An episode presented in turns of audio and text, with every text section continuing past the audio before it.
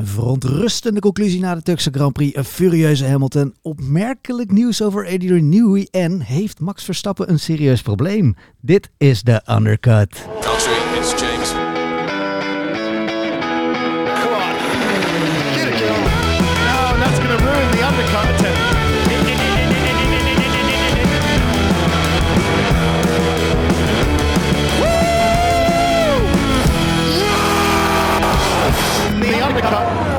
Gander Bronkers en bij ons in de studio hebben we mede-oprichter van GP-blog Thierry Bakker, onze e-driver in residence David Plasman en een special guest. Ja, daar is hij dan, Daan Pel. Welkom. Uh, Wauw, wat een stormachtige carrière heb jij. Goedemiddag, hoi. Ja, ja nou, dat is het enige terechte antwoord wat je kunt geven inderdaad. Maar het is, uh, ja, excuseer, het is natuurlijk heel uh, niet netjes om, uh, om meteen over je leeftijd te beginnen. Maar tot voor kort was Max natuurlijk altijd onze snelste tiener van Nederland. Maar dat ben jij nu gewoon, hè? Uh, ik mag niet klagen. Ik heb uh, ooit nog uh, een probleem van gemaakt dat ik een beetje pech heb gehad. Maar gezien ik met mijn dertiende mijn eerste wedstrijd heb gereden in Nederland... Um, en daarmee nog op veertiende nog Fiesta Cup ben begonnen... mag ik zeker niet klagen. Oh, Thierry, wat deed jij allemaal toen je 13 was? zullen we het daar niet over hebben? Ja, nou inderdaad. Een beter idee om gewoon de nabeschouwing van, uh, van de race in Turkije te doen. Ja, een beetje een vervelende race noemde Max het, uh, David. Akkoord? Ja, nee, ik snap het wel. Hij heeft niet echt veel actie gehad natuurlijk. Als je alleen maar banden moet sparen en uh, geen spektakel voor je of achter je, dan, ja, dan ja, die horen erbij. Niet leuk. Ja, vond je het ook om te kijken een, een vervelende race? Er zaten leuke stukken tussen, absoluut. Maar het was niet de meest spectaculaire race wat je verwacht van deze condities. Nee, precies. Nou, over die condities, dat is misschien wel uh, een goede. Straks meer over Max. Uh, eerst inderdaad eentje over die condities. Het is toch heel gek dat het eigenlijk niet regent en toch blijft eraan de, de baan de hele tijd nat. Hebben ze een soort drainageprobleem daar op dat circuit of wat is het? Het is uh, denk ik vooral als je kijkt, en dan moet ik zeggen, ik ben niet, uh, ik ben geen weerman, maar uh, de luchtvochtigheid was natuurlijk uh, gigantisch hoog daar. En er stond geen wind al het hele weekend niet. En die, je hebt sowieso, had je, had je vorig jaar een probleem met het asfalt daar. En ja, ja ik denk dat de combinatie is inderdaad van slechte drainage en gewoon extreme luchtvochtigheid, waardoor het, uh, het gewoon niet opdroog. Het leek uh, bijna de podcastruimte af en toe wel op hoogzomer. ja, ja hier, hier, is het ook goed vochtig. Uh, om, om niet te zeggen hardvochtig, inderdaad. Um, ja, laat, laat meteen eventjes doorgaan naar, naar we vallen toch nog met de deur in huis, naar rondje 50. We hebben er nog acht te gaan. Lewis Hamilton rijdt al de hele race op één set banden. En dan, en dan horen we ineens dit. Box, box, box, box. Why? New inset is the way to go. Under threat from I don't think it is, man. Is it much quicker? We have a Ricciardo 33.5. Uh, we also have Gasly coming into our window mid 33s. Feels like we should stay out, man. Okay, we'll stay out one more lap. Gives a bit more thinking time. Ja, nou inderdaad. Hij mocht nog heel eventjes buiten blijven op dat moment. Maar uh, ja, David, wat, wat was jouw gevoel toen je dit zat te kijken? Nou, ik, echt wel, ik had wel een beetje een kleine throwback naar, uh, naar Rusland, naar Norris. Alleen was daar het geval dat het nog zou gaan regenen natuurlijk. Of harder zou gaan regenen. Uiteindelijk zit, zit die coureur zelf in de auto en die voelt wat die band doet. En als die band nog goed voelt voor hem. Bedoel, dus hij heeft, er wel, hij heeft hem naar een slik gereden. En hij wist gewoon, oké, als ik nu die intermediates weer onderzet met veel profiel, dat gaat misschien niet werken. Um, ik denk dat Lewis zo'n coureur is met veel ervaring. En vergelijk met Norris kan je misschien iets meer op Lewis' zijn mening afgaan. Maar als Mercedes signalen heeft gehad van hey, die band die kan gaan ploffen, dan kan ik me ook al voorstellen dat Mercedes denkt van ja, weet je, dus anders sta je echt met lege handen. Ja, dus het is ja. een beetje een lastige afweging hoor. Hoe, hoe zit jij te kijken dan? Het is een goed punt. Um, ik denk dat het gat met nog maar acht rondjes te gaan, dan moet je wel heel veel tijd pakken per rondje. Wat ik me voorstellen wat uh, moeilijk is. Um, maar het risico wat Lewis dan niet kan inschatten, hoe snel of of zo'n band gaat knallen, is natuurlijk wel hoog. En gezien het zo'n. Uh, welk risico neem je om een extra pitstop te nemen om dan vijfde te worden en punten te pakken in plaats van niet te finishen? Dus misschien dat die afweging mee heeft geholpen. Ja, die zal zeker mee hebben geholpen. Ik, ik, hoorde later ook dat uh, Pirelli ook eigenlijk had gevraagd aan de teams: ga alsjeblieft naar binnen. Heb je dat ook meegekregen? Zeker, maar ik denk dat Pirelli ook nog een beetje Baku-vers in het geheugen ziet. En dat ze zien dat iedereen nu die banden helemaal aan gooit rijden op een ja, half natte, half droge baan. Uh, je weet op een gegeven moment dat canvas komt er doorheen. En hoeveel risico wil je dan nemen? Dus ja, ik begrijp vanaf Pirelli heel goed dat ze teams verzoeken om te stoppen.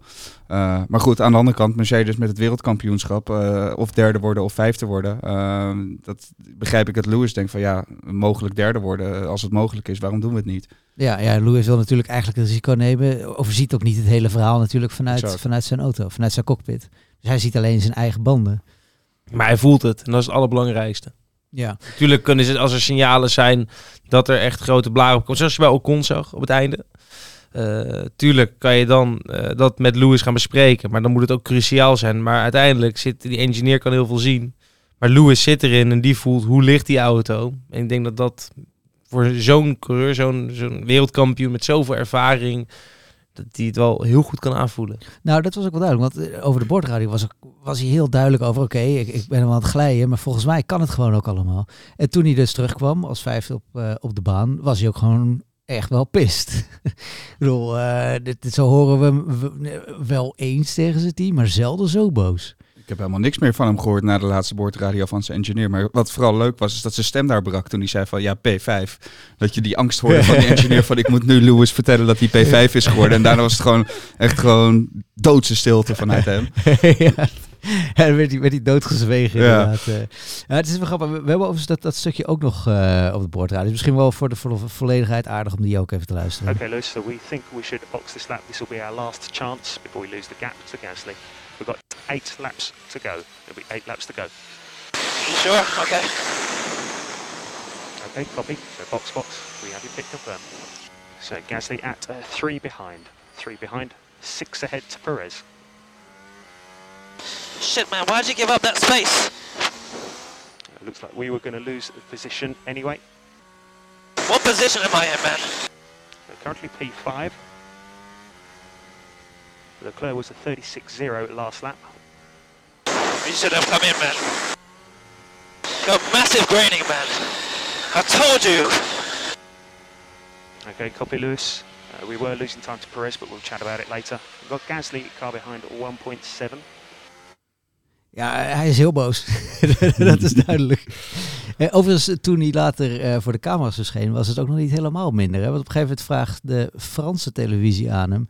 joh, uh, Ocon heeft het wel gered op één setje banden. waarop hij eigenlijk gewoon zijn hele team voor, de, voor de bus gooide. En zei ja, ach, ik deed het beste met de informatie die ik had. Ja. Ben je het daarmee eens als je deze hele discussies over de boordradio hoort? Want dit is, dit is een hele een heel, een heel, heel, heel, parlementaire discussie die ze hier hebben met z'n tweeën. Ja, nee.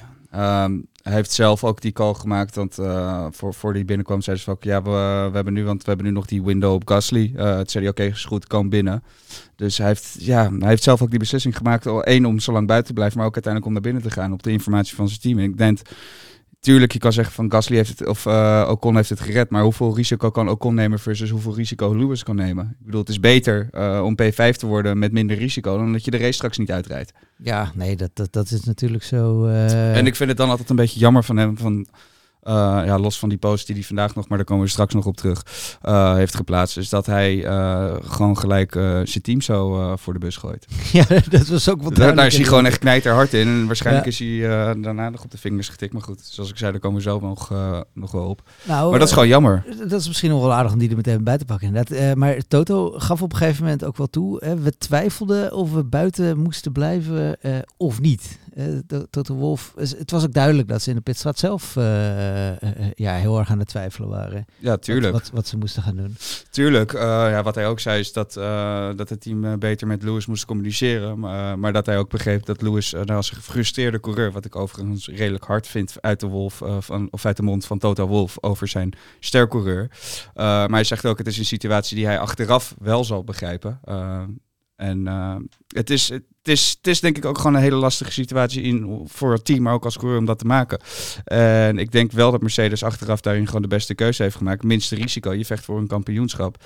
En uh, nou, zoals Wolf hier ook al zei, misschien was, was dat ook een kleine uh, tik op de vingers bij Lewis Hamilton. Uh, want die heeft achteraf op zijn Instagram ook weer een gigantisch verhaal getikt Wat, we, ja, hier, eh, wat de productie er ongetwijfeld eh, Ja, bij kan houden. Maar Nou, wel voor- mooi dat hij ook zijn tweets opent met Good Morning World. Ja. Dat- wat een flauw En eindigt met. Still We Rise. Still We Rise. Maar goed, eh, even samengevat voor degenen die dit willen lezen, kunnen het scherm altijd pauzeren als je op YouTube kijkt.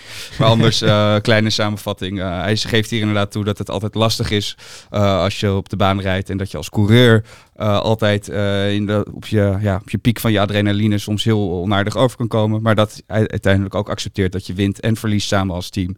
Eh, en dat ze hier weer alleen maar weer sterker uitkomen. Eigenlijk een beetje het standaard Lewis Hamilton PR-praatje. Maar het feit dat dit na zijn harde opmerking van gisteren alsnog op zijn Instagram staat, laat wel zien dat er in ieder geval intern wel een kleine tik op de vingers Ja, is wel, wel, geweest. wel, wel eens gesoebeld. Daan, hoe zat jij hier naar te kijken? Dacht jij ook van, joh, zeur niet zo, ga gewoon naar binnen, want die banden houden niet? Daar had ik niet zo'n eh, mening over. Ik had meer eh, het feit dat ik het niet verstandig vond dat hij eh, zo agressief was naar het team. Want het voegt op dat moment geen waarde toe. Het is niet vooraf de pitstop, dit is daarna. Dus ook wat je zegt over de boordradio. één, dat is niet heel erg netjes naar je team toe. Want jij weet niet het hele plaatje. Zij ook niet. Dat kan je achteraf pas zien. Maar toegevoegd, het is live gebroadcast naar iedereen. En ik vertel ook de Heiders Werk mijn werk dat je over de radio heeft het geen zin om mij iets te vertellen wat op dat moment ik niks aan heb. Eh, dus ik vond dat geen toegevoegde waarde. En zeker niet als je na de race ook nog Mercedes van beschuldigt. Niet heel erg slim. Had ik niet verwacht van Lewis. Wel van andere jongens, maar niet van Lewis. Eh, als jij nou deze hele conversaties beluistert, hè, denk je dan, mijn hemel, wat wat zijn ze boeken aan het voorlezen aan elkaar? Of, of denk je, nou, dit is inderdaad gewoon inderdaad zoals je communiceert met je team? eh? Mm, in principe wel. Eh, ik heb met de auto-ervaring, eh wij hebben sommige race-series waar we een open radiokanaal hebben. Daar heb ik hele slechte ervaring mee, want dan ga je naar het verhalen vertellen. En dat is niet goed. En dat doen coureurs tegen mij en ik ook andersom, want dat begint een beetje automatisch te worden. Daarom is het veel beter gewoon om een knopje te hebben. Ehm, maar je probeert het te verminderen, want het voegt geen waarde toe. Je probeert zo kritisch mogelijk, zo kort mogelijk, zo duidelijk mogelijk te zijn. Ja, en dan is zeg maar dit hele epistel wat ze nu aan elkaar afsteken toch wel een beetje too much allemaal. eh. Ja, het, Ja. het verbaast mij ook, want ik weet hoe moeilijk het is om zeker met die snelheden ook gewoon zo rustig en duidelijk te praten. Ja, dus dat verbaast me ook nog hoe relatief makkelijk het ging. Ja, dat, dat verbaast me ook altijd inderdaad. Ze zijn, altijd, ze zijn soms een beetje aan het chatten met elkaar. Alsof ze niet met 300 km per uur over de baan heen. eh. Ik vraag me alleen één ding af, eh, en dat wil ik heel even tussendoor opgooien. Is dit misschien niet eigenlijk te zien dat er echt nu barsten ontstaan een beetje tussen Hamilton en Mercedes? Want voorheen was het natuurlijk de geoliede winmachine die alles won. Eh, nou, dit jaar hebben ze echt titelstrijd en dat gaat al niet echt heel erg soepel, want Mercedes maakt af en toe best rare sprongen. Maar ook eh, natuurlijk dat Hamilton zijn favoriete wingman volgend jaar niet meer heeft. En dan ben ik het eigenlijk vooral benieuwd naar jouw mening daarover. Eh, zou dat mee kunnen spelen dat hij ook zo agressief dan is over zijn bordradio? Ik weet niet wat voor een toegevoegde waarde het doet om nu agressief te zijn. Het lijkt er dan wel op dat er achter de schermen wat problemen zijn. Want anders lijkt het me niet heel erg logisch wat ik al vond van Hamilton. Mhm. Eh, maar dat hij volgend jaar concurrentie bij krijgt, zou niet weg moeten nemen van zijn performance en zijn acties dit jaar. Lijkt me. Nee, maar meer zijn reacties erom. Het is natuurlijk een redelijk emotionele jongen als je ook kijkt naar alles wat hij op zijn social media eh, gooit. Dat, dat- Klopt. Maar Story Rise. volgens Ja. mij is het juist een van de eerste jaren dat Lewis eh, wel moet werken voor de titel. En Exact. serieus hard. Exact. En ik weet niet eens of het überhaupt iets te maken heeft met George Russell. eh, want daar hebben zijn engineers, waar hij dat tegen doet, niks mee te maken. Die hebben daar niks over te zeggen. Dat kunnen ze mening geven, maar... Ik denk eerder dat hij wel echt gewoon de druk voelt. En dat hij weet, ik kan nu geen fouten maken. Als hij dit twee, drie jaar geleden deed...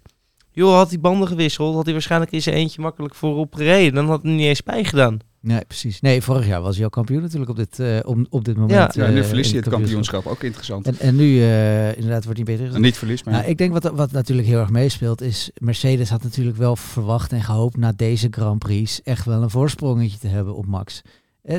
Maar in, in, het tegenovergestelde is veranderd. Want, Je hebt drie echt wel sterke Mercedes-circuits gehad. Eh, Ze hadden natuurlijk gehoopt dat ze hier nu ruim voor zouden staan. Ja, maar aan de andere kant, Red Bull was vorig jaar hier juist super dominant. Alleen die regenrace heeft het toen voor hun... Ja, dat, ging, dat ging inderdaad niet goed. Nee, en dit jaar waren ze gewoon echt te langzaam op, eh, op, op alle vlakken. Ja, en ik, ben, eh, ik denk ook persoonlijk, maar goed, daar gaan we het straks al ongetwijfeld over hebben, dat Mercedes op zich qua aantal circuits redelijk in het voordeel is.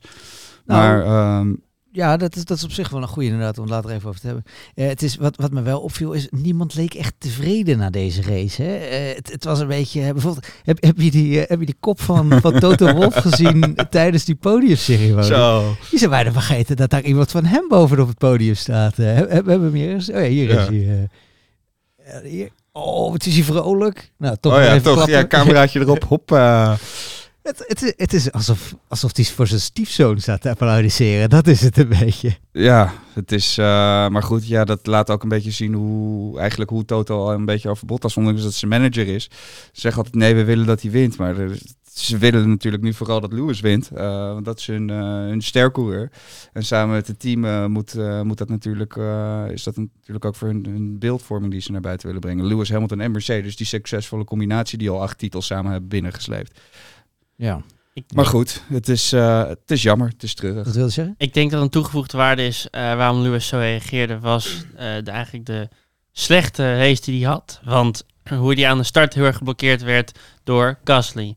Daarna heel hard geblokkeerd werd door Perez. Hij had echt geen geluk. Hij werd overal tegengehouden van Red Bulls, Honda's kant. Eh, en, en daardoor had hij, denk ik, verwacht dat hij meer naar voren kon gaan in die omstandigheden. En toen je die op, opdogende baan kreeg, waar het nog moeilijker wordt om in te halen buiten de drogere Rijn, ehm, denk ik dat dat meespeelde in zijn pissigheid naar het team toe eh, met die omstandigheden. Ja, hij, zal zeker chagrijnig zijn geweest. Hij, hij zou op een gegeven moment hebben gedacht dat hij derde kon, eh kon worden. Overigens werd hij opgehouden door Tsunoda, wil ik eventjes... Want eh, dat zeg ik niet om jou te corrigeren, maar om even iets positiefs te zeggen over Tsunoda. Eh, want deze jongen, we hebben, hem in deze, we hebben hem in deze studio geregeld belachelijk gemaakt. En hij heeft natuurlijk een quintet aan What the Fucks van de Week. Maar dit deed hij echt wel knap, hè? Ja, nee, Ja. absoluut. Het deed hij ook beter dan Gasly, want dat was een, eh, dat was een one-shot eh Louis wat. Die liet de deur lekker open. Ja, en toch... Ik vond het wel een hele goede actie van, van, eh, van Hamilton, hè? Hoe die, daar, hoe die hem daar pakt. ja, tuurlijk, tuurlijk, tuurlijk. Maar ik vond van Tsunoda wel heel erg knap dat hij dat zo lang wist vol te houden. Ik had, ik zou heel eerlijk, eh, hij heeft best wel wat foutjes gemaakt dit seizoen. Ik dacht, nou, die gaat gewoon weer cracken. Die gaat gewoon weer, die, die, die kan die druk niet aan. Maar dat deed hij eh, verrassend goed. Hij heeft hem iets van vier ronden echt opgehouden. Eh, het heeft in ieder geval iets van zeven seconden gekost op, eh, voor Hamilton eh, richting, richting naar voren, zeg ja. maar. ja, dat heeft zeker hem zijn momentum ook eh, Ja. gebroken inderdaad. Hey, maar bij Red Bull zullen ze toch echt wel zorgen maken om deze Mercedes, hè? Ja, die loopt door. Die loopt echt hard. Het viel eh, Monza natuurlijk al op dat het echt een soort raket was die ze, die ze ineens erin gemonteerd hadden. Eh, ja, wat, wat denk jij, Cher? Wordt dit nog wat? Als in, eh, maken ze zich echt grote zorgen? Ja, ja, ja, tuurlijk. Eh, je ziet nu gewoon het momentum wat Red Bull begin dit seizoen had. eh, dat hebben ze verloren. En wat Red Bull natuurlijk voorheen altijd een beetje hun, hun geheime kracht was, is dat ze ook in, eh, in, in zeg maar de bochten nog redelijk goed konden maken. Maar Red Bull of Mercedes is daar nu ook gewoon super sterk.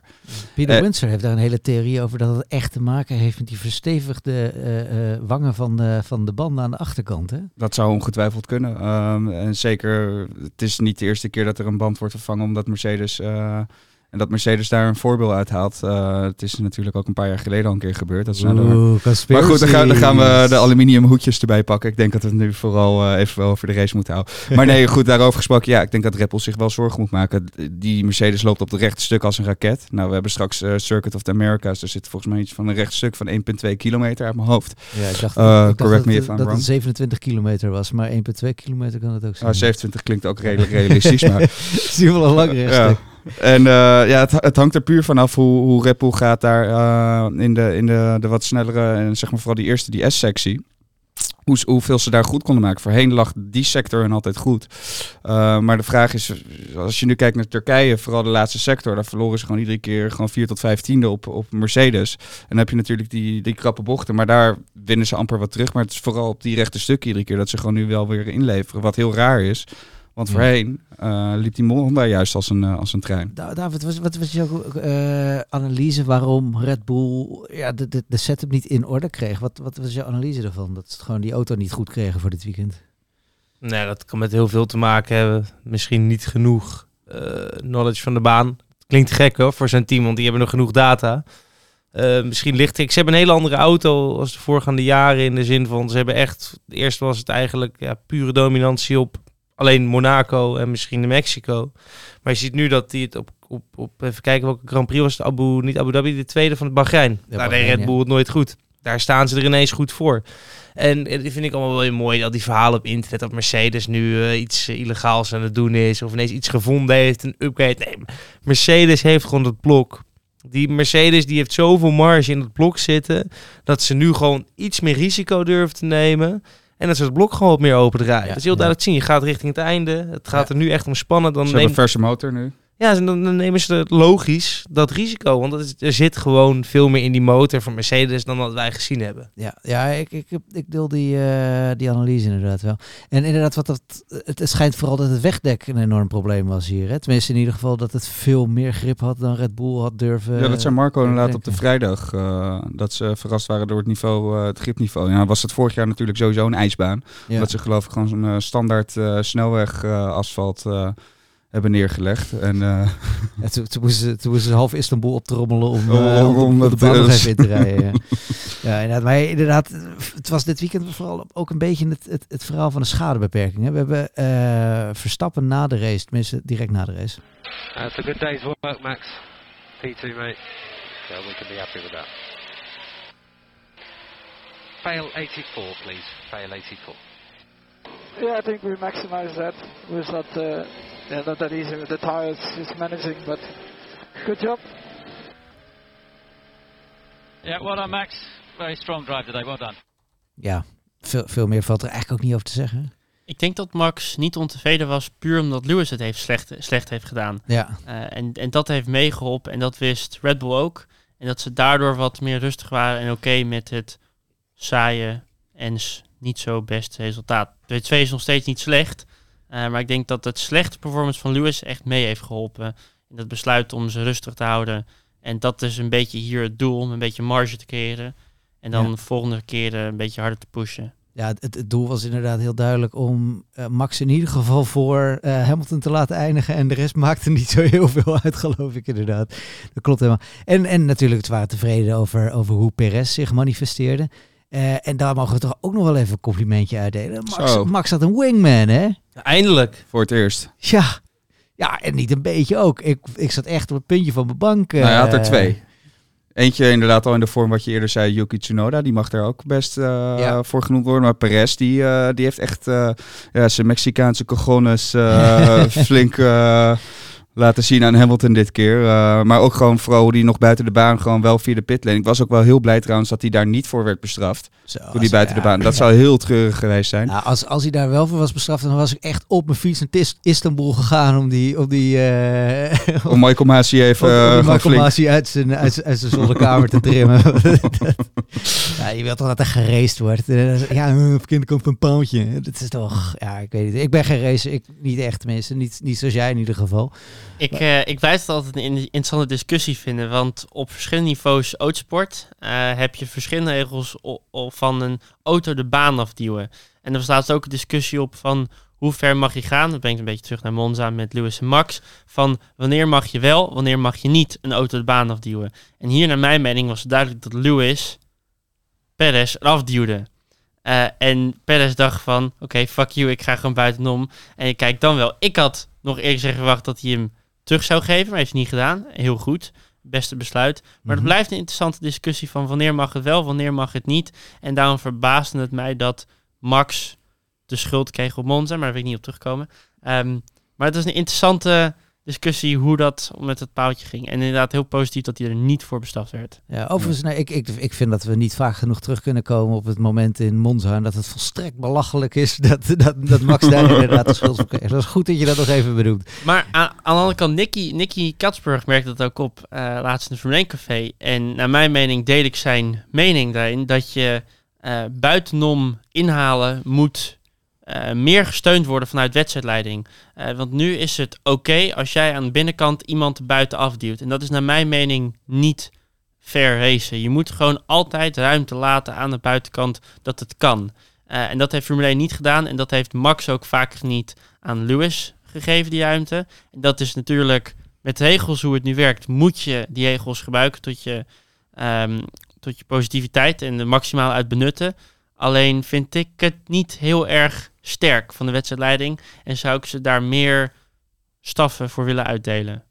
Oh, kijk nou jongens, hier, dit is eh, opbouwende kritiek eh, in deze studio. Maar Ja. deels mee eens. Alleen vaak zie je als iemand aan de buitenkant probeert, zit hij er nog steeds achter. Wel de lijn van de binnenste. Als de binnenste ervoor zit, is het wel zijn lijn. Als je buiten ervoor zit, ander verhaal hè. Een compleet ander verhaal. Het, het is een ander verhaal als je eh, naar autosport kijkt op meer nationaal niveau. Ehm, binnen Nederland, eh, bijvoorbeeld Fiesta Cup, zodra er een auto naast je zit, of dat 5 centimeter is of een meter, ehm, moet je in principe de ruimte laten aan diegene. Ehm, af en toe, als je dan een incident hebt en je zit er maar 10 centimeter naast, dan kan je natuurlijk de schuldige zijn, want jij veroorzaakt een incident onnodig. Maar niettemin, eh hoe nationaler je gaat, hoe meer ze proberen te, te promoten dat je gewoon de ruimte aan elkaar moet laten om fair te racen. Ja. Maar zou je dan ook straffen willen als er geen incidenten zijn? Dus als iemand niet die 1 meter of die 2 meter laat? Of juist alleen als er incidenten zijn? Want anders ga je op een gegeven moment, eh, krijg je weer een beetje die situatie die je vroeger had. Dat het eh, echt onnodige en lullige straffen gaat regenen waarmee ze eigenlijk het race helemaal gaan doden. Klopt. Het is, het is al een hele moeilijke balans. Dan zou ik nooit wedstrijdleiding willen zijn. als ik iets heb geleerd. Ehm, maar het, het is, het is moeilijk. Het is moeilijk. Ergens moet een balans te vinden zijn. Maar voor mijn part mogen ze strenger zijn met het bestaffen van ehm, iemand er afduwen omdat ze buiten zitten. Want ik vind dat daar mooiere en daardoor ook leukere inhaalraces kunnen zijn als je buiten inhalen mogelijk maakt. Ja, ben ik- heb, heb je daar ooit zelf eh, eh, situaties in gehad? Gelukkig niet, eigenlijk. Eh, of tenminste, ik heb buitenom wel ingehaald, maar nooit op een positie dat ik er af werd geduwd. eh, omdat ik bewust ben van het risico als je buitenom gaat. En dat is een groot risico. Eh, maar je probeert daar technisch slim mee om te gaan en zo min mogelijk risico te nemen. Sowieso heb ik dat in mijn autosportcarrière zo min mogelijk gedaan. Eh, maar af en toe als je de kans krijgt, moet je gewoon vergaan. Ja, en zeker in de regen buitenom kan je nog meer spelen. Wat hier helaas door die opdogende baan en die ene lijn wat moeilijker werd. Ehm, en het verbaasde mij aan de start dat er zo weinig inhaalacties was. Ja, ja. Had ik, Nou, dat is wel een goede trouwens. Je meteen eventjes over de start. Die had ik eigenlijk later in het eh, draaiboek gezet. Maar eh, bij de start, eh, nu we het toch over penalties hebben, daar krijgt Gasly een, eh een 5 seconden penalty. Eh, ja, ik zie jou weer nee schudden.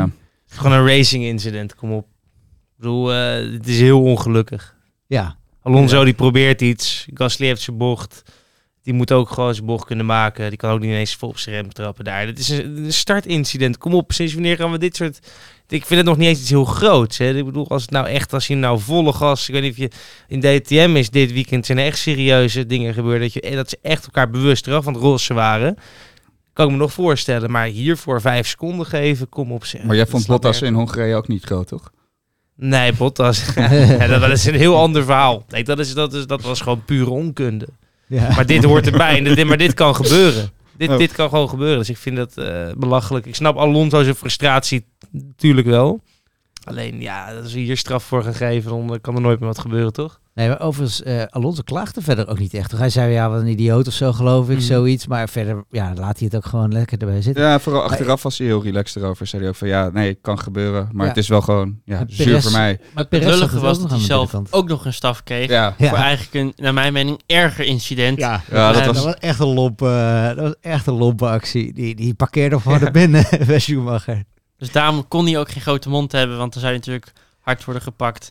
Eh, maar het was ook Olaf die eh, over, de, over het commentaar verbaasd over was. En ik keek ook nog terug naar het Engelse commentaar. En die commentaren dachten ook van, wat is dit nou? Waarom kregen ze daar een staf voor? Ja, klopt. Eh, ja. Dus ik vond het ook onnodig. En het is ook niet alsof Alonso de muur is ingegaan of de gint of dat hij einde wedstrijd. Nee, hij is gespind, hij kon gelijk door. Ja. Eh, dus een beetje onterecht. gelijk door om Schumacher eraf te rijden. Ja, hij komt Ja. meteen. het komt- ja, en wat, wat, wat natuurlijk ook nog vergeten hierbij is, hij, Gasly kon ik niet zo heel veel verder naar links. Daar reed Perez natuurlijk. En het is ook een natte baan, dus het, is logisch dat hij nog een beetje ruimte laat voor het geval Perez doorschiet. Ehm, ja, ik, ik vond het echt volstrekte onzin dat, dat, dat Gasly hier vijf seconden kreeg. En eh, vervolgens zie je dus dat Gasly wel binnen één seconde van, van Hamilton reed. Dus Gasly had gewoon eigenlijk voor Hamilton moeten eindigen nog. Het is echt deze, deze domme straf die, die hem die plek Ja. heeft gekost. Ja, ja, nee, ja, inderdaad. Want eh, ik zat even te denken, maar die heeft hij natuurlijk in zijn pitstop heeft hij die, eh, had hij die vijf seconden ingelogd. Ja, nee, dan had het, eh, had het nog uit kunnen maken. Maar goed, dan kun je ook weer de aluminium hoekjes pakken van, is dit weer in het voordeel geweest voor Hamilton? Hmm, ja, ja. Nou, laten we daar inderdaad niet, niet al te lang bij stilstaan.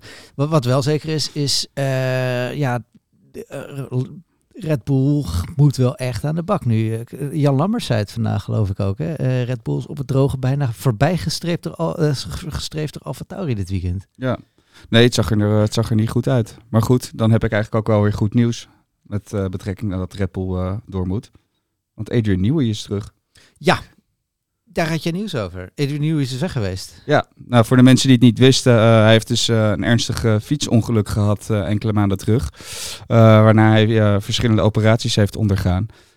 Nou, gelukkig wist Helmut Marco te, te delen, en we zagen het ook naar achteraf naar de race, dat hij in ieder geval dit weekend weer echt bij de Grand Prix aanwezig kon zijn. En ook dat hij nu eigenlijk pas weer helemaal fully up and running is. En misschien dat dat, eh, maar dat is eh, ook wel een beetje koffiedik kijken, enigszins de wat matige eh, prestaties van Red Bull te danken is. Want we hebben in het verleden ook gehad dat eh, meneer Adrian Newey helemaal eruit ligt of gedeeltelijk eruit ligt. En dat het team het niet helemaal trekt zonder hun grote meester, zeg maar. Dus jij zegt eigenlijk de reden waarom, waarom Red Bull er gewoon niet bij was, is dus omdat, omdat ja, ze missen, Nee, dat ze zeg ik zeker niet, eh, maar Newey, de- de, de grootmeester. Laat ik zeggen, we, wat ik zeg is dat we in het verleden hebben gezien dat wanneer, want eh, in het verleden had je Adrian Newey die niet gemotiveerd was. Die wilde toen aan dat eh, Aston Martin Valkyrie project eh, meedoen en daar is toen zijn focus op gegaan. Toen had Red Bull het idee, oké, we hebben een goed team eh, met aerodynamica specialisten die dit kunnen oppakken. Alleen dat, dat ging toen ook steeds eh, slechter en slechter, waarna hij geloof ik in eh, 2017 of 2018 weer helemaal terug was. Eh, waarna die auto ook gelijk weer een stuk beter werd en dat ze weer echt eh, konden ontwikkelen. Maar goed, eh, wat ik dus zeg is, die man heeft een grote impact op de ontwikkeling van die auto. En als hij er echt daadwerkelijk eh, lang uit heeft gelegen en nu pas weer fully up and running is, zou dat mogelijk wel impact gehad kunnen hebben op de performance van het team natuurlijk. Ja, en Da- David, je hebt iets meer eh, ervaring met het afstellen en zo van, eh, van auto's. Is het, ze komen erachter, hé, hey, wacht eens even, het asfalt is helemaal niet zoals we verwacht hadden.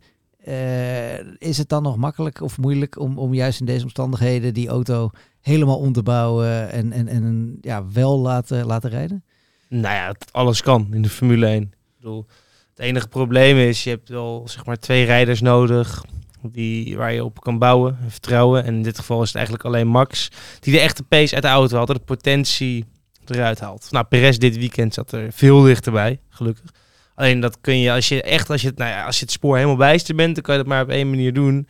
En dat is gewoon de auto compleet anders bouwen. Dus de eerste rijder zo'n setup geven. Even een setup die eh, helemaal high, ik noem even een groot contrast, helemaal high downforce en de ander helemaal low downforce. Noem even een verschil. Maar die moet compleet anders zijn. En dan kan je kijken, oké, waar doet die het goed? In welke sector, mini-sectoren kijken ze dan? Dan kan je naar iets toewerken. Alleen, ik weet niet of... Ik kan me niet voorstellen dat Red Bull het nog beter voor elkaar had eh, kunnen krijgen hoor, dit weekend. Ik denk dat echt wel, Mercedes heeft echt goede pace. Ik denk dat Red Bull gewoon mazzel heeft gehad dat ze nog tweede zijn, derde zijn geworden. Want als Lewis vooraan had gestart, dan was die gewoon weggereden. Ja, ja die was gewoon weggereden inderdaad. Hey, en eh, waar één ding wat ze wel op orde hadden, was een hele leuke nieuwe livery. Heb, je, heb jij, wat, wat vond je ervan? vond je mooi? Ik, ik vond hem heel leuk. Het was voor mij even wennen, want je zag de onboards en je dacht van, is dit? Maar is toen had nou? je het door. En met de witte handschoenen. Ik, ik vind wit sowieso een leuke kleur. Het, gaat, het is een beetje de, de standaard kleur. Eh, maar ik vond de basis heel erg leuk. En het is een mooi be- bedankje, mooi cadeautje naar, naar Honda toe. Eh, dus het was even weer wat anders. En Red Bull is heel erg bekend met hun kleuren. Eh, maar dit was een beetje fris, nieuw, anders. Ehm, en wat mij ook verbaasde is, het pak was heel erg schoon. Terwijl heel vaak zie je witte pakken die aan het eind van de Formule 1 wedstrijd gewoon afgekloven zijn, zwart, kapot gescheurd. Eh, en hier was het nog heel netjes, dus goede stof had ze gekozen. Ja, het, e- het enige wat ik eraan dacht is dat het hele weekend, wat is die haasnel? Omdat die Ja. kleuren heel erg op elkaar leken. Nou, die, eh, die waren zeker niet snel. eh, Nee, zo. Over, over die hazen gesproken trouwens. Eh, Schumacher heeft die Mazepin wel echt helemaal weggereden. Hè? Ja. Dat was, eh, die, die, die, die, die, die, die, die moet zich echt schamen eigenlijk, tenminste Mazepin dan. Ja, maar goed aan de andere kant. ehm, we, Nou. weten, we weten de reden waarom hij in de Formule 1 zit. Maar eh, hij laat af en toe ook wel eens leuke dingen zien. En geeft die jongen in ieder geval nog een kans. Ik bedoel, hij zit er sowieso eh, nog. ehm, en dat Schumacher ja, de betere coureur is. Ik denk dat, dat iedereen het daar wel in kan vinden. Nou, kijk, ik En ben, haalde Q2 ook. Ja, exact. In een haas. Wat echt, echt, echt een hok is dit jaar. Ja. Nou, kijk, ik ben sowieso een beetje klaar met de Mazepin eh afzeik eh, tour. Vind op nu een beetje ongepast wordt ook. Ehm Eén ding is wel zeker, en ik wil echt niet zeggen dat Mazepin beter is dan Schumacher. Ik heb namelijk geen idee, want in een haas kan je dat eigenlijk nooit zien. Maar één ding is wel zeker, dat team, ik weet zeker dat Schumacher daar wel de betere auto heeft. Qua in onderdelen. Ook auto verschilt bij alle teams. Het is altijd één betere auto, Ja, maar die zelfs ligt als papa Mazepin de, de hele rekening ja, die ligt, ja, die ligt alsnog bij Schumacher. Want daar zitten ook gewoon sponsoren voor Schumacher. Die zijn naar Haas gekomen. En die hebben er echt wel eh, ook wel de touwtjes in handen. Ja, ja, nou duidelijk. Ik vind het goed dat je daar eventjes eh, de, de, de Mazepin-haters van deze wereld eh, inderdaad eventjes op een nummer zet. Wat inderdaad ook op de televisie eh, gebeurt af en toe op schaamteloze Ja, manier. Hè? Vond, eh, vond, vind het niet oké hoe die jongen af en toe eh, benaderd wordt. Het is ook helemaal niet leuk. Het is ook een sympathieke gast hem ja. ziet. Sympathiek, sympathiek. Nee, maar kom op, het is dat niet Nou, leuk gooi het wel over een andere boeg. om iemand zo openlijk eh, af te branden in een één op één interview. Ik bedoel, lekker makkelijk altijd iedere keer van de afstand zeggen. Ja, hij zit daar om één reden. Is misschien ook zo, maar ga wel gewoon lekker normaal met elkaar om. Die jongen doet ook zijn best. En eh, die wordt in principe ook gewoon voor de leeuwen gegooid. Omdat hij misschien wel niet goed genoeg is. Ja, en, en hij excuseerde zich ook voor het feit dat hij Hamilton even een bocht ophield. Hè? Dat, eh, dat, maar dat moet eigenlijk zijn ingenieur toch tegen hem zeggen. Van, joh, eh, joh eh, Hamilton komt eraan, laat hem even langs. Ja, maar ik vond het wel bijzonder dat hij zich daar zo openlijk voor excuseerde. Ja, omdat hij, omdat hij anders weet dat hij weer helemaal afgezekerd wordt in de media. ja. Dus ik snap het ook wel dat hij dat een beetje angstig voor is. En op een gegeven moment, eh, de jonge gast, die, die, die, die, dat ook niet, die, die vindt dat ook niet makkelijk. Was wel een heel gevaarlijk punt, moet ik Ja, zeggen. tuurlijk, maar dat weten we van hem. Hij koos niet het juiste moment. Nee, maar zijn, het, het, zijn inschattingsvermogen is niet, niet, niet de beste. Maar Nee. Dat is niet Maar top. dat, dat hebben we al eerder gezien. ja. Nee, eh, ook, ook met vrouwen schijnt hij wat eh, moeilijker te kunnen inschatten. maar nu gaan we weer op de afzijkant. Oh shit, sorry, sorry, sorry. Nee, nu was het een grapje. Anyway, eh, Ferrari, lek boven, nieuwe motor. eh Sainz, eh, driver of the day. Leclerc, ijzersterk. Lek boven, is dit, eh, zien we Ferrari eh, de resurgence? Lastig te zeggen. Het was natuurlijk wel unieke omstandigheden. Eh, ik denk dat ze daar sowieso maximaal van geprofiteerd hebben. Eh, voor de rest, ja, ik, het, het blijft net Ferrari tricky, want ze hebben altijd heel erg van die one-off races, maar dan zeg maar bij hun dat de one-off ineens heel goed is. En dan de rest van het seizoen eh, maken ze weer rare strategische fouten of hebben, is de pace weer helemaal nergens. Ja, blijft Italianen natuurlijk. Hè? Chassis is goed. Dat, dat, daar is, denk dat we Ja, daar, dat denk ik ook. Dat zag je in Monaco, regenraces. Maar niet alle ook weer. Het is heel specifiek bij Ferrari. Ik denk dat de engineers daar ook een beetje de weg kwijt zijn. Waar gaan we het goed doen? Nee, maar op de, eigenlijk op de krappercircuits eh waren ze tot nu toe iedere keer ook op Hongarije uit mijn hoofd. Gingen ze volgens mij wel, eh, Mhm. wel redelijk, als ik het goed heb. Als Eh, de rode brandweer. Ja. Als de rode brandweer. ik, ik denk wel dat je gelijk Schud hebt. je weer lekker uit je mouw zo. eh. ja, ja, ja, ja, ja. Da David zei heel goed dat de engineers het een beetje kwijt was. Van vooral die engineer van Charles. Dat was mijn highlight van Ferrari. Ehm, toen, Oh ja. toen Charles vroeg van, als we dit tempo volhouden, waar komen we dan? Oh, ja. Oh, als je ja, me ja. achter je houdt, blijf je eerste. Ja, Oh, dat was een dom antwoord, zeg. Zo. dat, Hey, als ik, als ik Leclerc zou zijn, dan zou ik echt ook gefrustreerd mijn stuur opeten. Zeg je, dat vraag ik toch niet, pik? dat is, dat is, dat is schaamte voor me. Ook gewoon voor zijn engineer. Want dat is hetzelfde al- dat, dat Lewis slecht commentaar geeft en slecht radiofeedback. Dat gaat ook wereldwijd gebroadcast. En hoeveel memes daar ook overheen gaan. Dat is ook lullig om thuis te komen met dat in je achterhoofd dat jij daarvoor verantwoordelijk bent. En wat voor een sukkel je bent om zo'n commentaar te geven. Zo'n reactie naar iemand die best wel weet wa- waar die om vroeg. Heel specifiek. ja, ja abso- Dus- absoluut. Je, hebt- je hebt gelijk. Het, het was niet eens de vraag die zo heel gek was van Leclerc. Want hij wilde natuurlijk vragen, hè, eh, wie, tegen wie ben ik echt aan het racen? Eh, dat ik niet eerste blijf, dat, eh, dat snappen we ook wel. Ja. Maar inderdaad, ja, ik, ik, het is goed dat je dat eventjes zegt inderdaad. Ehm, en, en een beetje in het verlengde daarvan, Alfa valt eigenlijk niet zoveel over te melden. Hè? Behalve die, die overname van Andretti. Eh, Zou wel dat- gaaf zijn. Ja, nou ja, goed, het is wel een eh, Ook echt- goed voor de Amerikaanse markt. echt- echte racefamilie. hè. Zou dat dan gevolgen hebben ook nog voor, eh, voor de Vries? Hè? Die wordt dan toch genoemd voor dat stoeltje? Ik zie het niet, ik hoop het, maar ik zie het niet gebeuren. Nee. Nee. Nee. Ja. Sau, Sau schijnt wel een beetje redelijk zijn eigen ruiten te hebben ingegooid met de contractonderhandelingen. Dus ja, kijk nu eh, naar, ik ben even zijn naam kwijt, die, eh, die Australische, Ja, Australische jongen. Ze zijn, de- die, die, die, wiens vader ook Indy-coureur was, toch? Eh Hurta. Eh, de, de, de zoon van Brian Hurta, die schijnen ze dan naar te kijken om, om, om mee te nemen. Ja, Als ze dan toch... Maar dan wordt het wel heel erg een vader-zoon verhaal, die Formule 1 zo langzamerhand. ja, maar goed, aan de andere kant maakt het dat juist ook alweer mooi. En helemaal als Andretti het overneemt. eh, ik bedoel, die Amerikanen gaan altijd heel goed op eh, gezinsverhalen en gezinsdrama in dat opzicht. Dus Ja. Hey, wie, wie was eigenlijk de GP-blog driver of the day? Eh Nou, weet dat? daar hebben we Want dit, is dit- gestemd. dit keer een fancy graphic voor laten maken. Oeh, nee, Kijk eens aan. Dat was Sergio Perez. Ik, de echte was Carlos Sainz. Waar hij zelf ook eigenlijk verbaasd over was. Maar bij ons was het Perez. En ik denk eigenlijk ook wel volkomen terecht. Want als één iemand zich dit keer van, of op zondag zich van zijn beste kant heeft laten zien. En zich een keer als een echte eh, wingman heeft opgesteld, was hij het wel. Eh, ja, met Sainz erachter. Ja, gewoon goede, goede race gereden vanuit, eh, ja, vanuit achteraan. En Bottas, ja, dominant voor het eerst. Ja, we hebben, hebben we nog iets over, over Alonso? Nee. Ik heb er nog wel iets over. Helemaal aan het begin van het weekend schudde hij de handel een beetje op door een hele felle persconferentie te geven. Ehm, namelijk, hij zegt ja, de ene mag meer doen dan de ander. Hij zei zelfs, hij suggereerde dat het met afkomst te maken leek te hebben. Dat mensen die uit Ja, Engeland Britse kwamen, coureurs. ja, Britse coureurs toch een beetje voorgetrokken werden. Eh, waarop hij zei, ik ben dit seizoen vaker die idioot geweest die op de baan bleef rijden, terwijl ik werd ingehaald door mensen die buitenom gingen. Eh, en bij de races in Oostenrijk gebeurde niks. Er werden geen vragen gesteld. Nu, na Sochi, worden er ineens wel vragen gesteld. En voor mij is dat bevestiging. Er gelden verschillende regels voor verschillende mensen. Oftewel, eh, ja, hij, hij, hij suggereert hier dat, dat, dat het een beetje een nationalistische Engelse sport begint te worden. Ja, dat... eh, Ik gooi hem net aan. Ja. Ik, ik, ik, geloof, eh, ik, ik heb hier in het verleden al wat dingen over gezegd. eh, Ja, een keer. zeg, zeg maar dan. eh, week me ook terug, eh, waar jullie het laatst ook over hadden, over ehm Britse coureurs die het goed doen. Eh, maar daar geloof ik niet in dat ze daar een beetje voor pushen. Ik denk dat het eerder gewoon eh, een beetje is hoe streng de wedstrijdleiding is op die dag en hoe je er naar kijkt. Het is, het is zo moeilijk te peilen. Ehm, ik had ook een wedstrijd begin dit jaar in Paul Ricard. En dat is een circuit waar track limits natuurlijk ook heel erg moeilijk zijn. En bij de start besloot twee man rechtdoor te gaan. Eén ervoor kreeg wel een staf, de ander niet. Ja. En er was geen duidelijke reden voor. Aan het eind van de wedstrijd was ik best wel pislink. Ehm dus toen, eh, we zitten samen in hospitality. Dus ik vraag onze wedstrijdleiding van waarom is die gestraft en die ander niet. Hij zei van, eh, ja, achteraf hebben we nog naar gekeken met stewards, want we kregen heel veel vraagtekens over. En we hebben de mening gedeeld eh, dat wij een foute beslissing hebben gemaakt. En daar konden we niks aan doen achteraf. Nou, dat Dus- is al een grotere wedstrijdleiding dan we in de Formule 1 vaak zien. eh, die, die hun eigen fouten echt heel Goed zelden... praten.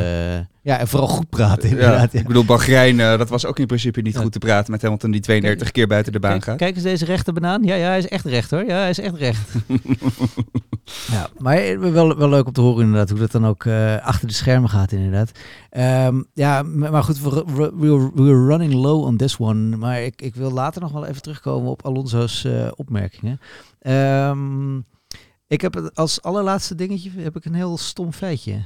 Oh. Dat is namelijk, dat ik, vind, ik hou heel erg van de ironische humor, maar het is wel heel suf dat de twee mannen uit de medical car allebei positief werden getest op corona. ik bedoel, dat is toch wel raar. Ja, maar goed, aan de andere kant kan ook gebeuren toch. Eh, het, is, het is alleen wel droog dat de medical car uitgerekend moet zijn. Ja, nee, ja, precies, dat vond ik dus eigenlijk ook. Maar goed, ja. Dan eh, hebben we eigenlijk nog iets wat, eh, wat ik eigenlijk ook nog wel wilde bespreken. Maar ehm, ja, in de, in de pre-productie werden we het niet over eens of het nou wel of niet een interessant onderwerp is. Omdat het luisteraars gaat kosten. Maar ik denk dus dat het heel groot nieuws is. Namelijk, Vertel. de teambazen zijn het ergens over eens. En wat is dat? De Formule 1 heeft grootse plannen op het gebied van koolstofuitstoot. Vanaf 2030 zou de sport, hele sport neutraal, koolstofneutraal moeten zijn.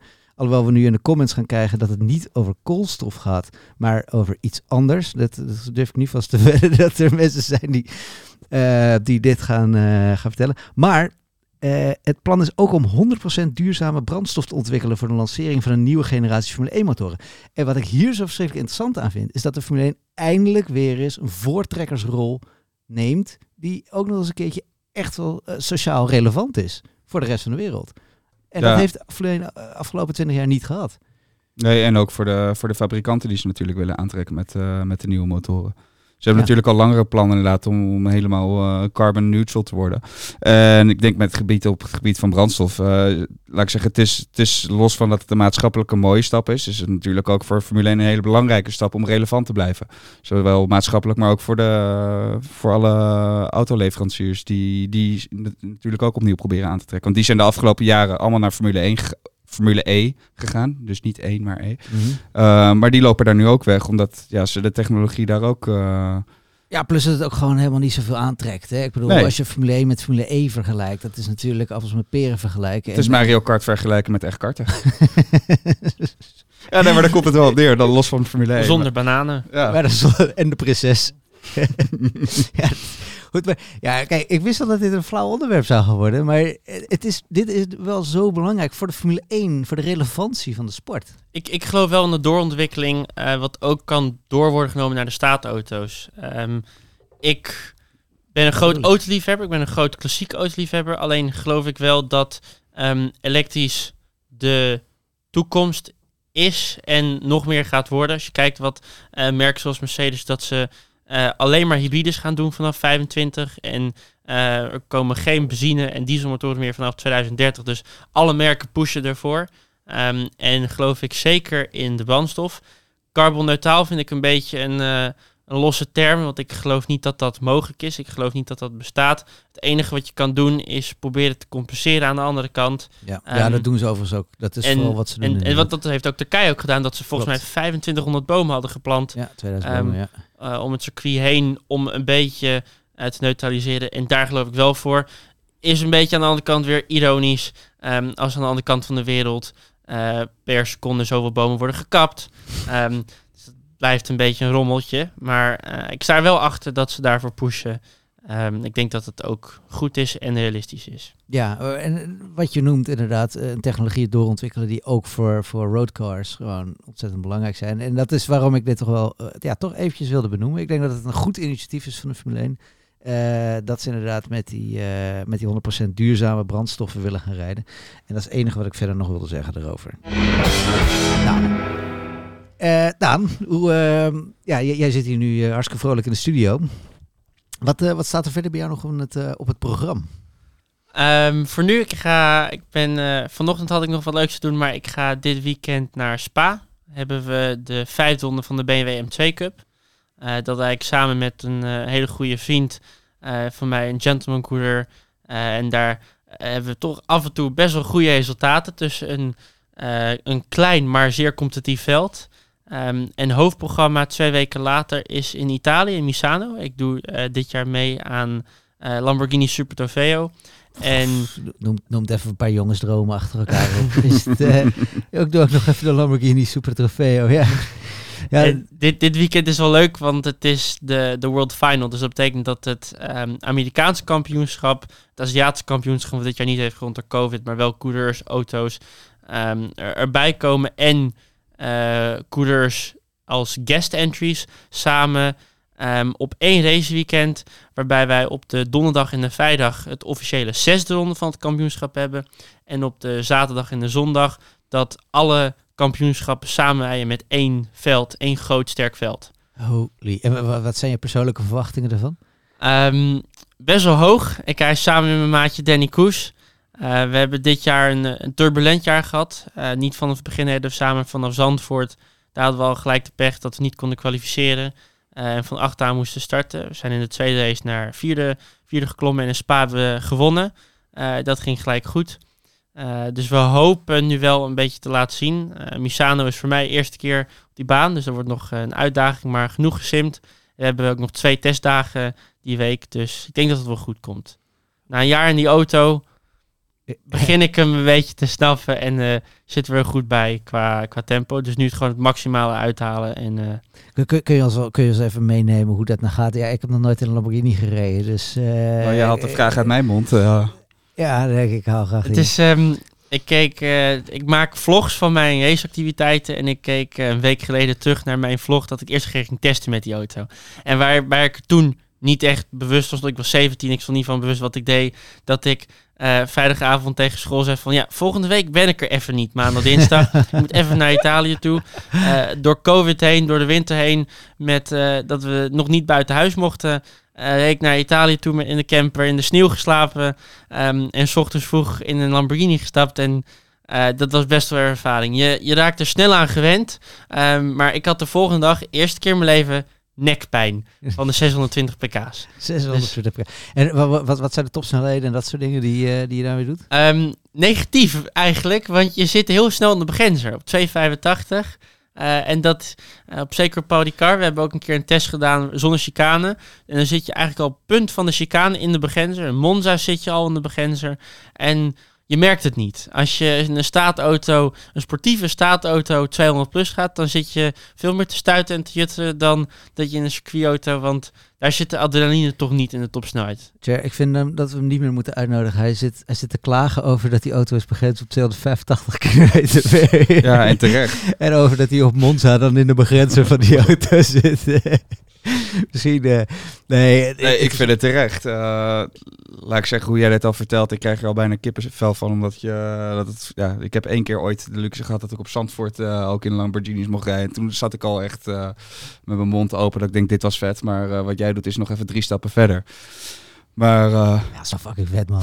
Ik- ja, geweldig. Als er iets is wat dan wel verbazend iedere keer weer indrukwekkend is, is het remperformance van zo'n auto. Ja. Wat je ook op Formule 1 net en wat me ook nog verbaast is, normaal kunnen ze wel 5G halen met, met remmen. En nu was het in de regen 2,5, 3 eh, afhankelijk van. En dat is gewoon ontzettend hard. Wij halen met eh deceleratie ook 1,8, 1,9 en dat is al echt hard. Ja, dan moet, Dat- je, moet je echt je, je gezicht van je voorraad uh, Ja. krabben. Ja, Monza, gewoon Monza aannemen van 2,85 ga je naar zo'n 60. Nou, dat is gewoon pijnlijk en het blijft iedere keer eng. Iedere keer van, dat, dat, dat, kan niet, dat, dat, dat, dat kan niet. En je kijkt die beelden terug en je denkt van, dat is onmogelijk. En, dan? en dan moet ik me weer aanpassen als ik op de openbare weg rijd, wat ik sinds kort mag doen. En dat, je, dat je denkt van, wacht eens even, eigenlijk kan dit niet. Die auto gaat niet zo snel stoppen. Eh, dus dat is weer aanpassen. Eh, maar dat blijft iedere keer indrukwekkend. dat is gevaarlijk als je bij jou eh, achter op de snelweg rijdt. eh, en denk je, woep. Ja, meer als je naast me zit, dat mensen denken van... Dat is wel heel kap daar op die achterganger. nee, kan gewoon. Zo, nee, in mijn, in mijn Lamborghini kan het ook. oh, fantastisch. Maar ja, het, het lijkt me ook geweldig om, dat, ja, om, om daar dan ook te zijn tussen die, die Lamborghinis. Je, je bent dan echt part of the, part of the pack. Het is een, het is een leuk kampioenschap. Ehm, voor mij, ik ben gestart in Ford Fiesta Cup. Dat heb ik gedaan op mijn dert, of, eh, 14e en op mijn 15e. En eh 2020 was een tussenjaar waar helaas met COVID eh, heb ik geen raceactiviteiten kunnen doen. Maar wel eh, met steun van mijn partners en sponsoren eh, genoeg financiering voor elkaar gekregen voor 2021, waar ik super trofeo kon doen. Ehm, en, en het is heel cool, want je wordt in zo'n internationaal kampioenschap gezet. Eh, wij hadden samen met eh, Europees GT3. Dus wat er rondloopt op de paddock, iedere keer dat ik eigenlijk zie van, oh shit, dat is Timo Glock, dat is zus en zus en zo. En, eh, en af en toe push ik mezelf om ze aan te spreken. En dan blijkt het gewoon hele normale mensen te zijn. Ja. Ehm, dat had ik laatst ook met Nicky Katsburg, dat we samen op de paddock bij wedstrijdleiding stonden voor staffen. Maar wij stonden samen in de ruimte en ik zeg, hoi Nicky. En hij zegt, hoi Daan. En ik zeg van, hoe ken je mijn naam? Hoe wist je? En hij wist al wie ik was. toen, zei hij, ehm, toen zei hij nog voor de grap, ja, omdat je als een pijl gaat. Ja. Eh, dus dat is, het zijn gewoon hele normale gasten. Het zijn mijn idolen. En dat ik nu met mijn idolen samen op het circuit ben, eh, dat is heel cool. ja, als je een keertje Max van Splinteren tegenkomt, zou je een handtekening voor me willen vragen? Ik zal het doen. Oké, la- la- la- laatste vraag. Is die dr- droom is hardop? Waar, waar, waar wil je over een paar jaar staan? Wat is... Autosport blijft een hele moeilijke wereld. Ehm, als ik me besef dat ik om 18 jaar dit mag doen ehm, en ik doe nu een tussenjaar met school en misschien worden dat tussenjaren. Ik ben ontzettend blij waar ik eh, ben. Maar als ik mijn hoofddoel is om binnen, eh, binnen de korte termijn eh, support, te krijgen, support te krijgen van een merk. dat ik echt een merk representeer als pro-coeder.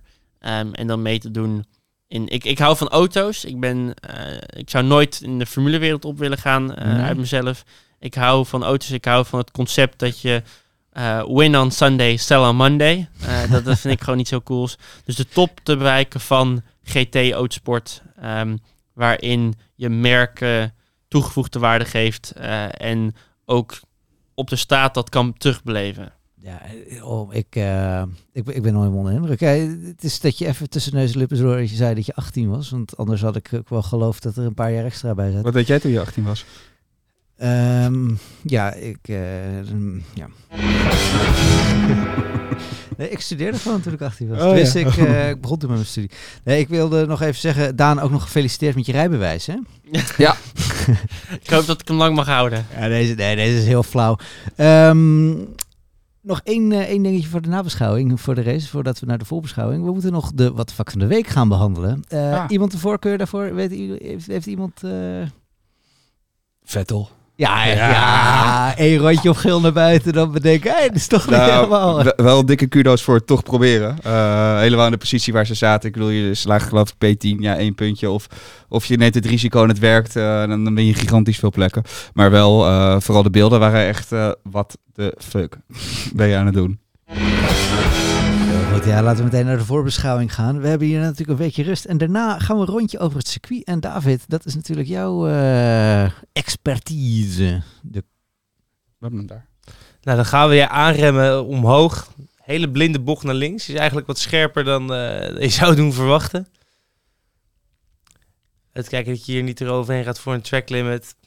Weer een volle bocht, eh, volle gasbocht naar rechts. En dit gedeelte is in de Formule 1 auto wel heel gaaf om te rijden. Daan had het net over nekpijn. Nou, ik denk dat je hier wel eh, behoorlijk wat last van je nek hebt. Weer zo'n blinde bocht, eh, direct naar rechts, opvolgend naar links. En nog een keer naar rechts en links. Ik heb hier een 24 uur race moeten rijden. Oh. En dat was in, in het donker. Nou, dat is geen pretje. Dat is alleen maar opletten, opletten, opletten. Geen moment van rust. Hier rem je net iets later aan dan je zou doen verwachten, omdat je naar beneden gaat natuurlijk. En nu krijgen we ja, het Mercedes gedeelte. Ik denk dat we... De vraag is, hoe gaat Mercedes hier doen ten opzichte van Red Bull? Red Bull heeft natuurlijk op het vorige stuk wat voordeel. Nou, dan zal Mercedes nu het stuk terugpakken. Gaan we weer remmen op de ongeveer 90 meter. Insturen naar links, gaat weer naar beneden. Dus iets eerder remmen. En dit wordt ook een, eh, spannend gedeelte. De lage snelheid, dus het chassis is, eh, is belangrijk. Ik denk dat voor Ferrari is dit wel een, eh, een leuk gedeelte. Nog een keertje in, dubbele linker.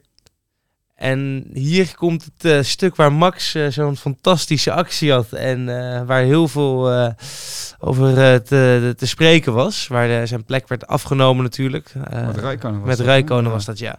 En ja, dan gaan we alweer de laatste bocht. Vol in de ankers, naar links. Voor de kwalificatie zul je zien dat ze voor de exit een hele andere lijn nemen. En, ehm, en dan voor de snelle ronde natuurlijk om over de finish te nemen. Een hele korte lijn natuurlijk. Ik ben heel erg benieuwd hoe Red Bull het hier gaat doen. Ja, het, het, het ziet er inderdaad voor een groot deel wel uit als een eh, waar Red Bull het inderdaad goed zou kunnen doen. Ehm, is, is het een leuk circuit om te rijden? Nou, in een Formule auto lijkt het me wel. Ik, Het is wel echt een tielkebaan, als je het zo ziet. Ja, het is zo gaaf. Ik vind hoogteverschil op een baan, moet ik wel zeggen, vind ik heel gaaf. Maar ik denk dat met Formule-auto's, high downforce in ieder geval, de LMP-auto's, dan denk ik dat het heel gaaf is. GT-auto's, nou ja, wat wij toen hadden met 24 uur, vind ik het, ik vind het echt een formulebaan. Heel, echt high speed, dan, dan vind ik het een gaaf baan. Ja, hoe, hoe, hoe, hoeveel ben je geworden, die 24 uur? Eh, eerste. Oh, hey. Ah, eerst. Kijk eens, hè. Ik heb nog wel één interessant dingetje over eh, Circuit of the Americas. Want eh, ik weet niet of eh, veel van jullie de MotoGP ook hebben gekeken, een paar weken terug. Toen waren ze daar ook. Maar toen klaagden de coureurs wel echt steen en been over dat het asfalt gigantisch hobbelig is. Vooral omdat de ondergrond daar ja, niet echt super hard is, waardoor het asfalt heel erg schijnt te ver- verplaatsen. Dus echt, de conditie van het circuit schijnt zelfs zo slecht te zijn dat de MotoGP een ultimatum heeft gesteld aan het circuit. Of jullie moeten gewoon de hele boel opnieuw gaan asfalteren. Of we komen hier gewoon niet meer racen. Dus ik ben benieuwd of we dat eh, ook met de Formule 1 straks terug gaan zien. Of dat ook weer impact gaat hebben op misschien de ophanging of, eh, van de Formule 1 coureurs. We hebben al vaker gezien dat hobbelig asfalt in combinatie met curbs... dat dat redelijk eh, pijnlijk moment eh, kunnen, veroorzaken. Dus dat is nog wel iets om naar, eh, naar uit te kijken ook. Hoe dat, eh, hoe dat er volgende week bij ligt. Hm, ja, nou, dat is zeker eh, interessant. Interessant Dankjewel. weetje, Dank je- Thierry. Dank je, Gander. Ja, laten we meteen doorgaan naar de glazen bol. De glazen bol. Ja, nummer 1, 2 en 3. Daan, eh, zeg het maar. Wie, eh, wie worden het? Ik zie dat je heel voorbereid kijkt. Eh, twee. Nee, je mag zeggen wie nummer 1, 2 en Oh. 3 worden. Oh, oh, pardon, Ja. pardon. Ehm, ik denk, ik hoop en ik denk Max. Ehm, eh, twee Lewis, drie Lando. Oeh. Ja, die, die McLaren gaan natuurlijk als een speer op het rechte stuk. Nou, ik hoop dat Daan gelijk heeft, maar ik zeg Lewis op één. Max eh, twee, Bottas drie. Ik vrees de eerste. Ik zeg eh, Lewis eh 1, Lando 2, Max 3. Hmm, Oké, oké. Ja, ik zat eh, gisteren met mijn eh, vijfjarige neefje te, te discussiëren over, eh, over de Grand Prix, over de, over de Formule 1.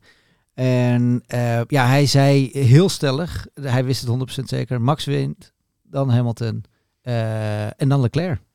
Oké. Ja, ja, Toch, is toch die laatste sector wat David zei, Ferrari. Ja, ja het is, hij is ook fan van Leclerc, maar meer van Max. En, en, en van Lewis? Iets minder. maar hij, vindt wel, hij, hij, is, hij is wel fan van, van, eh, van Hamilton als, eh, als coureur. Ja, hij heeft, hij heeft er kijk op. Ja, hij, is, hij is vijf jaar, maar eh, ja, ik, ik, eh, de volgende keer ga ik met hem zitten kijken. Vindt hij helemaal zijn hem kleding eh, ook leuk? Nee, dat, dat lijkt mij. Nou ja. Houdt hij ook van clown? Nee. Ja, dit was alweer de achttiende aflevering van de Undercut in 2021. Met dank aan de gasten in de studio. Hierna nemen we een weekje rust. Daarna zijn we weer terug naar het land waar het verbranden van benzine nog gewoon een volkssport is.